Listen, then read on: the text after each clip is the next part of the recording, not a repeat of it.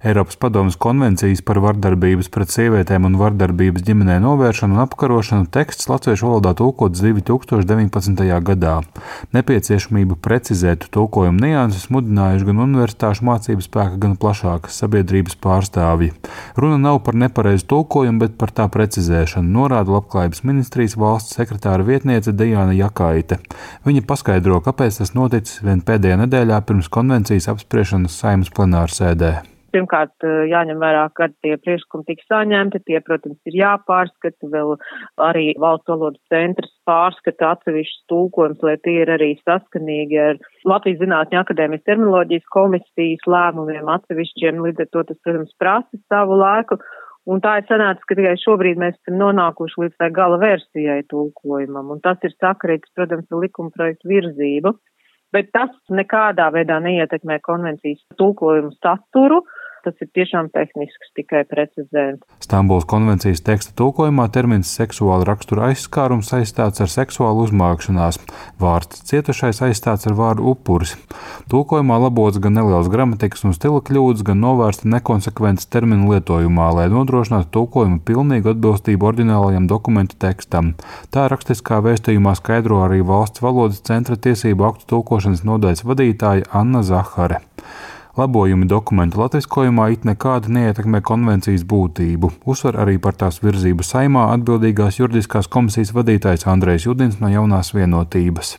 Principā tas ir ļoti labi. Šajā gadījumā, tad, kad nu, es dzirdu 120 dažādu argumentu, nenopietnu, kāpēc mums nevajag Stambulu. Jā.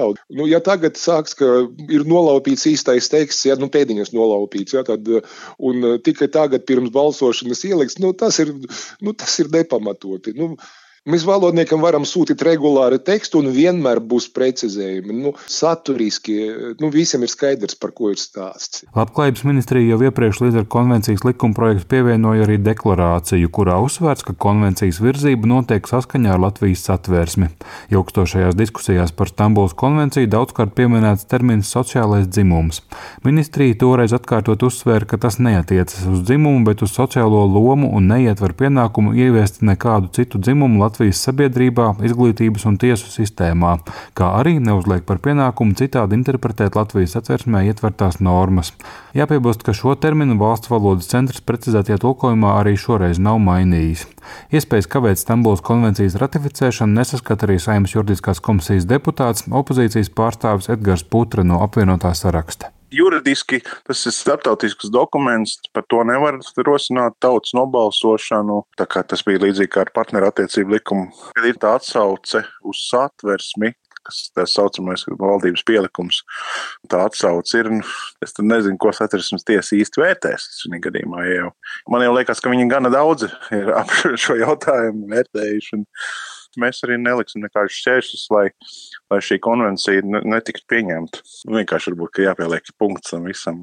Katrs balso pēc savas pārliecības, kā viņš to redz. Un tas jau dokumenta būtību jau nemainīs. Saimnes juridiskās komisijas vadītājs Andrejs Judins paskaidroja, ka valstu parlamenti nemaina starptautisku līgumu tekstus, tajā skaitā arī Stambulas konvenciju. Līdz ar to nākamajā ceturtdienā Saimnes plenārsēdē par to plānots debatēt un balsot gan pirmajā lasījumā, gan tajā pašā dienā pēc deputātu priekšlikuma izskatīšanas arī galīgajā lasījumā. Jānis Kincis, Latvijas Radio.